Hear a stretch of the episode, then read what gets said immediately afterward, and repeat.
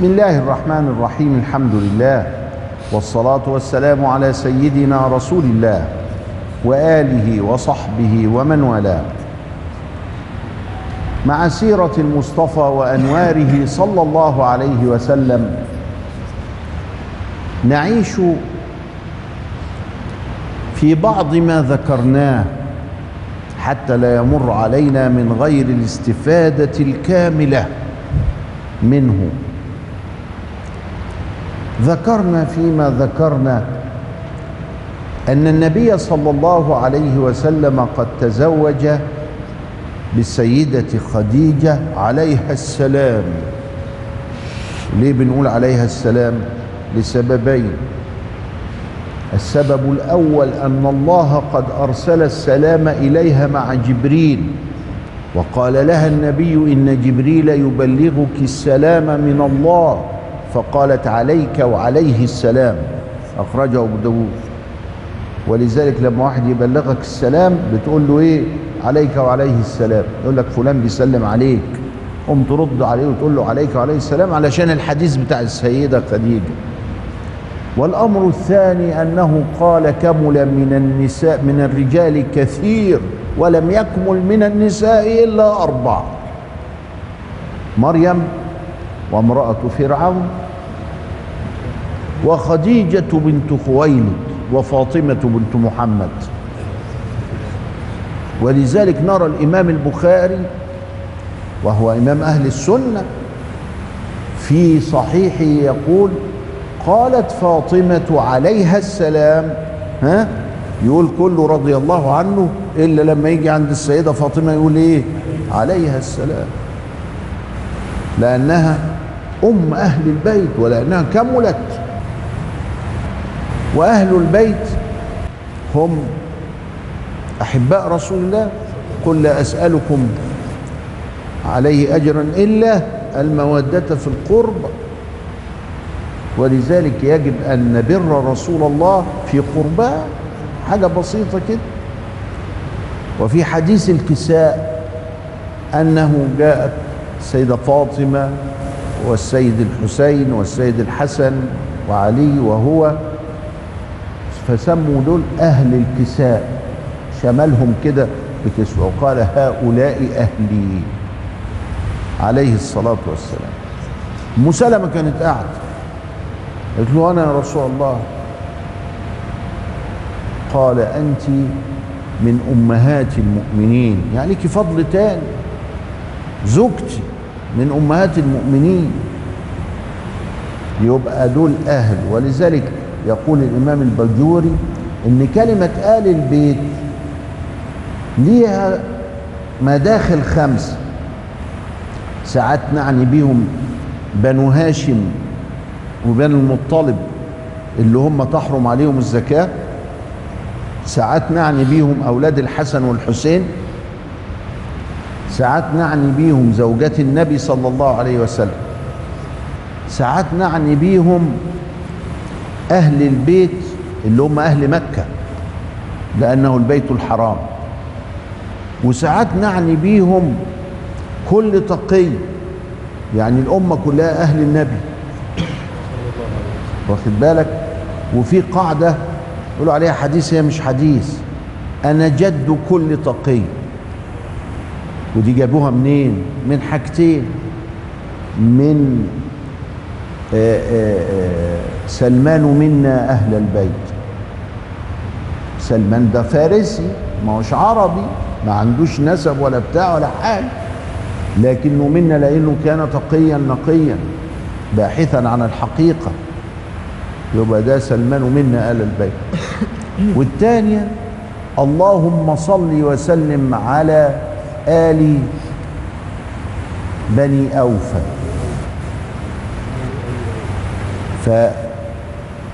فأولاد أو آل بني أوفى دول صلى عليهم النبي السلام طيب نرجع مرجوعنا إن النبي تزوج السيدة خديجة ولم يتزوج معها أحد لأن الله قد رزقه منها الولد كون أسرة ما جوزش تاني. فاللي عايزين يتبعوا سنة النبي وعندهم أسرة ما يتجوزوش تاني. السنة كده أهي. فلما ماتت تزوج سودة بنت زمعة.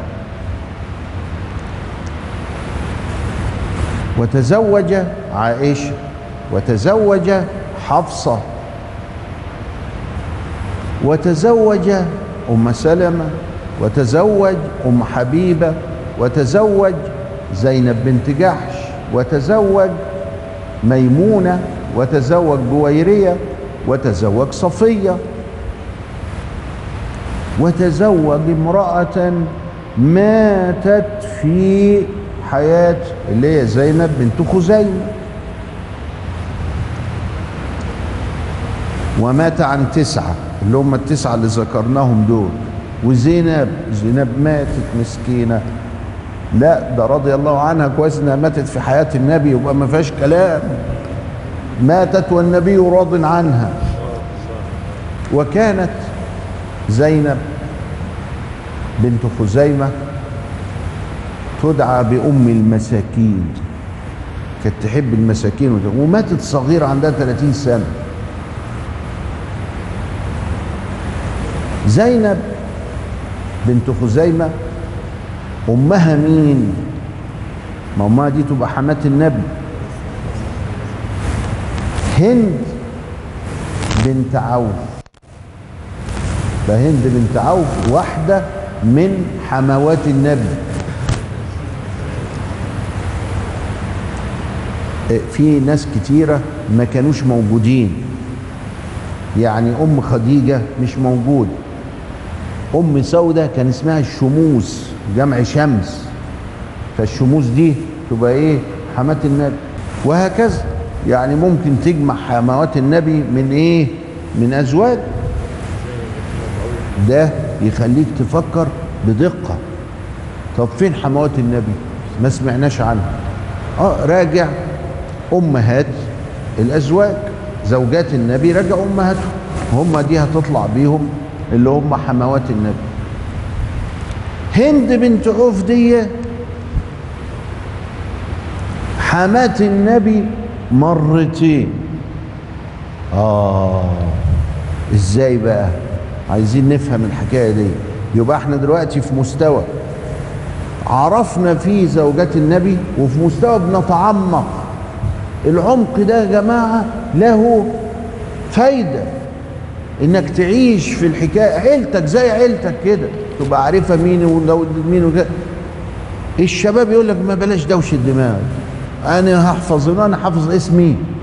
ده أنا سالوني عن اسمي قلت لهم ليه؟ هو أنا عقلي دفتر. غلط.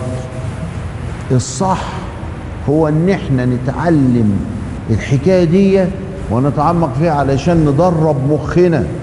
اللي قرب يصدي ده للتفكير والتوليد والبحث. وعدم القراءة بسطحية في أي شيء. لازم نقرأ بعمق.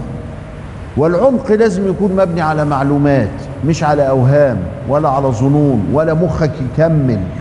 لا دي معلومات. لما تدرب ذهنك على ذلك تلاقيك ذهنك بيشتغل بطريقة علمية. بطريقة علمية. فعايزين بقى نقف عند هند بنت عوف ونشوف القصة بتاعتها. نعيش معاها. علشان نعرف هي حمقة النبي مرتين إزاي وإيه القصة بتاعت هند بن عو... بنت عوف دي وعلى فكرة كان العرب يسموا هند للولد وللبنت. فهند بن أبي هالة ده ولد وهند بنت عوف دي دي بنت. والله أعلم.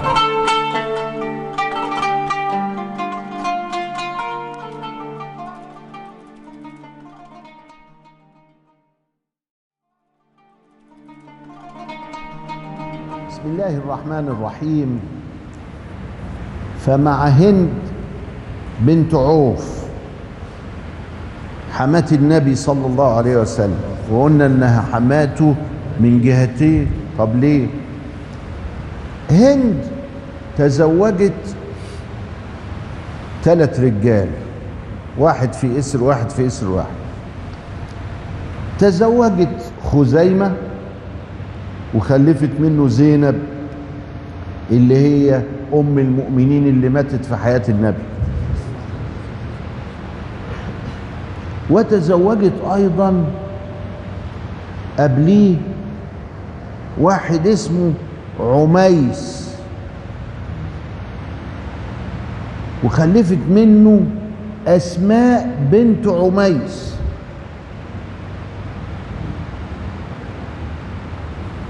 وخلفت منه أروى بنت عميس. أسماء بنت عميس دي بعد كده اتجوزها سيدنا أبو بكر. وأروى بنت عميس دي اتجوزها سيدنا حمزة. واتجوزت واحد تالت يظهر قبل كده اسمه الحارث. اسمه إيه؟ الحارث بالثاء. الحارث وخلفت منه لبابة الكبرى ولبابة الصغرى. لبابة الكبرى اتجوزها العباس عم النبي. ولبابة الصغرى اتجوزها الوليد بن المغيرة وخلف منها خالد. يبقى هند بنت عوف دي جدة سيدنا خالد بن الوليد. من أمه لبانة الصغر بنت. وجدة عبد الله بن عباس. طيب. وخلفت واحدة تالتة واحدة تالتة من الحارس وهي السيدة ميمونة بنت الحارس اللي اتجوزها النبي بصرف مكان اسمه صرف كده. يبقى ميمونة أخت زينب من الأم. زينب بنت الراجل اللي اسمه خزيمة وميمونة بنت الراجل اللي اسمه الحارس. وخزيمة والحارس هند اتجوزته. وعميس كمان. لما تيجي تقرأ بقى في السيرة ويقول لك عبد الله بن عباس قعد قدام النبي مع خالد بن الوليد. وبعدين النبي قدم له في بيت خالتهم ميمونة. الله. هي ميمونة خالد خالد؟ أيوه ما هي أخت لبانة. طب هي ميمونة خالد عبد الله بن عباس؟ أيوه ما هي أخت لبانة الثانية الكبرى أم عبد الله بن عباس. يبقى عبد الله بن عباس يقرأ به لخالد ولاد خالة. لبانة أخت لبانة الصغرى والكبرى يعني. وداخلين ليه بقى إن شاء الله على ميمونة. ما هي خالتهم أنت واخد بالك؟ تفهم. تتصور. المشهد قدامك شكله إيه؟ سيدنا قاعد في بيت ميمونة. ميمونة داخلة بطبق عليه حاجة مشوية حلوة في أمانة الله كده.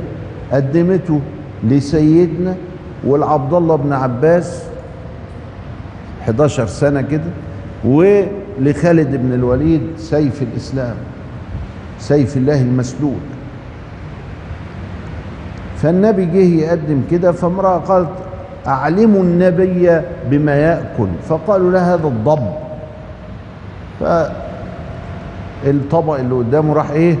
بعده شوية كده يعني من شوية.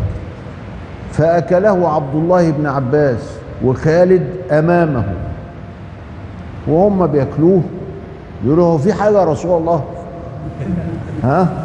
قال لهم لا إنما لم يكن بأرض قومي فأراه أعافه قلناها قبل كده. بس اللي علشان تتصور إن ولاد الخالة مع بعض في بيت خالتهم الوصلة دي تيجي منين؟ الوصلة كلها تفهمها من هند بنت عوف. لأن هند بنت عوف اتجوزت ثلاث مرات. اتجوزت الحارس وخلفت لبانة ولبانة وميمونة ثلاث بنات هم واتجوزت عميس وخلفت أسماء وأروى واتجوزت خزيمة واتخلفت زينب. ست بنات. منهم بنتين اتجوزهم النبي زينب وميمونة زينب وميمونة يا أخويا اخوات يبقى اتجوزهم النبي إزاي؟ مش واخد بالك ما هي زينب ماتت. لا يجوز الجمع بين الأختين. فزينب لما ماتت اتجوز النبي بعد كده السيدة ميمونة أختها. والناس بتعمل كده لغاية دلوقتي لما يكون في عيال ومش عايزين يدخلوا واحدة غريبة هم تلاقي الراجل متجوز واحدة ومخلف منها عيال ماتت يجيب لهم خالتهم عشان تبقى حنينة الخالة والدة الخالة أم. علشان ما ما ما ما, ما يعني نفسية مرات الأب اللي أشيع عنها دي النفسية دي وكثير من من مرات الأب بتبقى صالحة وتبقى تقية وتبقى بتشيل العيال في عينيها أكتر من ولادها. هم يعملوا كده. بعد ما تموت الست يتجوز أختها عشان ما يدخلش على عياله حد يقرفهم ولا حاجة. فإذا النبي ما اتجوزش الاثنين دول على بعض. ده اتجوزهم بعد السيدة زينب بنت خزيمة ماتت السيدة ميمونة بقى. أهو أنا عايز نقرأ السيره كده. ها؟ على مستويات. نتعلم الأول إنه هو مات عن تسعة وإنه هو يعني في 14 15 خديجة وزينب دول ماتوا في حياتي وفي تسعة تانيين تزوجوا وفي أربع إيه جوار أو ثلاثة مين هم الأربعة دول؟ ماريا وريحانة وامرأة سقطت في سبي اسمها جميلة يظهر أو صفتها جميلة ما نعرف. وجارية وهبتها له زينب بنت جحش لخدمته. أربع أدي دول أربع جواد وتسعة من أمهات المؤمنين. سودة. عائشة حفصة أم سلمة أم حبيبة جويرية صفية ميمونة وزينب بنت جحش. دول مات عنهم تسعة. باتفاق إنهم تسعة. ولذلك لما جم وقالوا إيه؟ ريحانة دي تزوجها ولا لا؟ بعضهم قالوا تزوجها. قالوا يبقى نقضت ما اتفق عليه من أنهن تسعة. فبعضهم قالوا لا ما تزوجهاش. من أجل أن يقروا التسع يعني كل المسلمين متفقين على إنه مات عن تسعة مش عن عشر. يبقى ريحانة هي جارية. هي دي اللي حصل فيها الشك. واحد يسألني ويقول لي هو ماريا أسلمت تزوجها ولا لا؟ لا ما تزوجهاش قطعا. لأنه قطعا مات عن تسعة والتسعة حافظينهم هم. لو دخلت لي ريحانة أو دخلت لي ماريا يبقوا 11 طب هي ماريا تأخر موته؟ آه ماتت بعديه بشوية آه لكن تأخر موتها ودفنت في المدينة وكانت مسلمة. لأن لما جت هي من عند المقوقس زي ما ذكرنا هي وأختها سيرين وساعات يقولوا عليها شيرين. فشيرين ده اسم قديم. سيرين أو شيرين عرض عليها الإسلام. قالت له لا أنا مسيحية وبحب المسيحية. قال لها خلاص ماشي. ووهبها لعبد الرحمن بن عوف. الجويريه حصل معها حاجة زي كده. وعرض عليها الإسلام برضه. فاستمهلته قال له سيبني دلوقتي. قال لا انت حر. ماشي. ثم أسلمت وفرح بإسلامها. نريد أن نقرأ السيرة ونفتش فيما وراء الطبقة الأولى من المعلومات حتى نتصور بعمق العلاقات كيف كانت؟ سواء في نسبه الشريف أو سواء في زيجاته أو سواء في حماته مين اخواته مين اعمامه مين ولاد اعمامه مين بنات عماته مين عم اعمامه مين وهكذا. نقعد نعمل كده حتى نرى شيئا يعني آه، قويا لفهم السيرة. السيرة كنز لا ينفد في معرفة المواقف وبناء الشخصية ومعرفة طريقة التفكير ومعرفة الأحكام الشرعية وهي تختلف عن الحديث. السيرة بت- بتديك شبكة علاقات. الحديث بيدي لك أمر واحد بس كده. يبقى كأن الحديث جزئي والسيرة كأنها كلي كأنها نظرة عامة. ولذلك لابد أن نتعمق بالمعلومات في بناء تلك الشبكات ثم نفكر كمان كيف نستوي كيف تولد هذه الأفكار. وما معناها وكيف نستعملها في عصرنا الحاضر؟ قدامنا شغل كتير خالص للاستفادة من السيرة النبوية. لو ضممنا الحديث مع السيرة هتبقى حاجة كبيرة قوي في اتباع سيدنا النور المصطفى المجتبى صلى الله عليه وآله وسلم. إلى لقاء آخر أستودعكم الله. والسلام عليكم ورحمة الله وبركاته.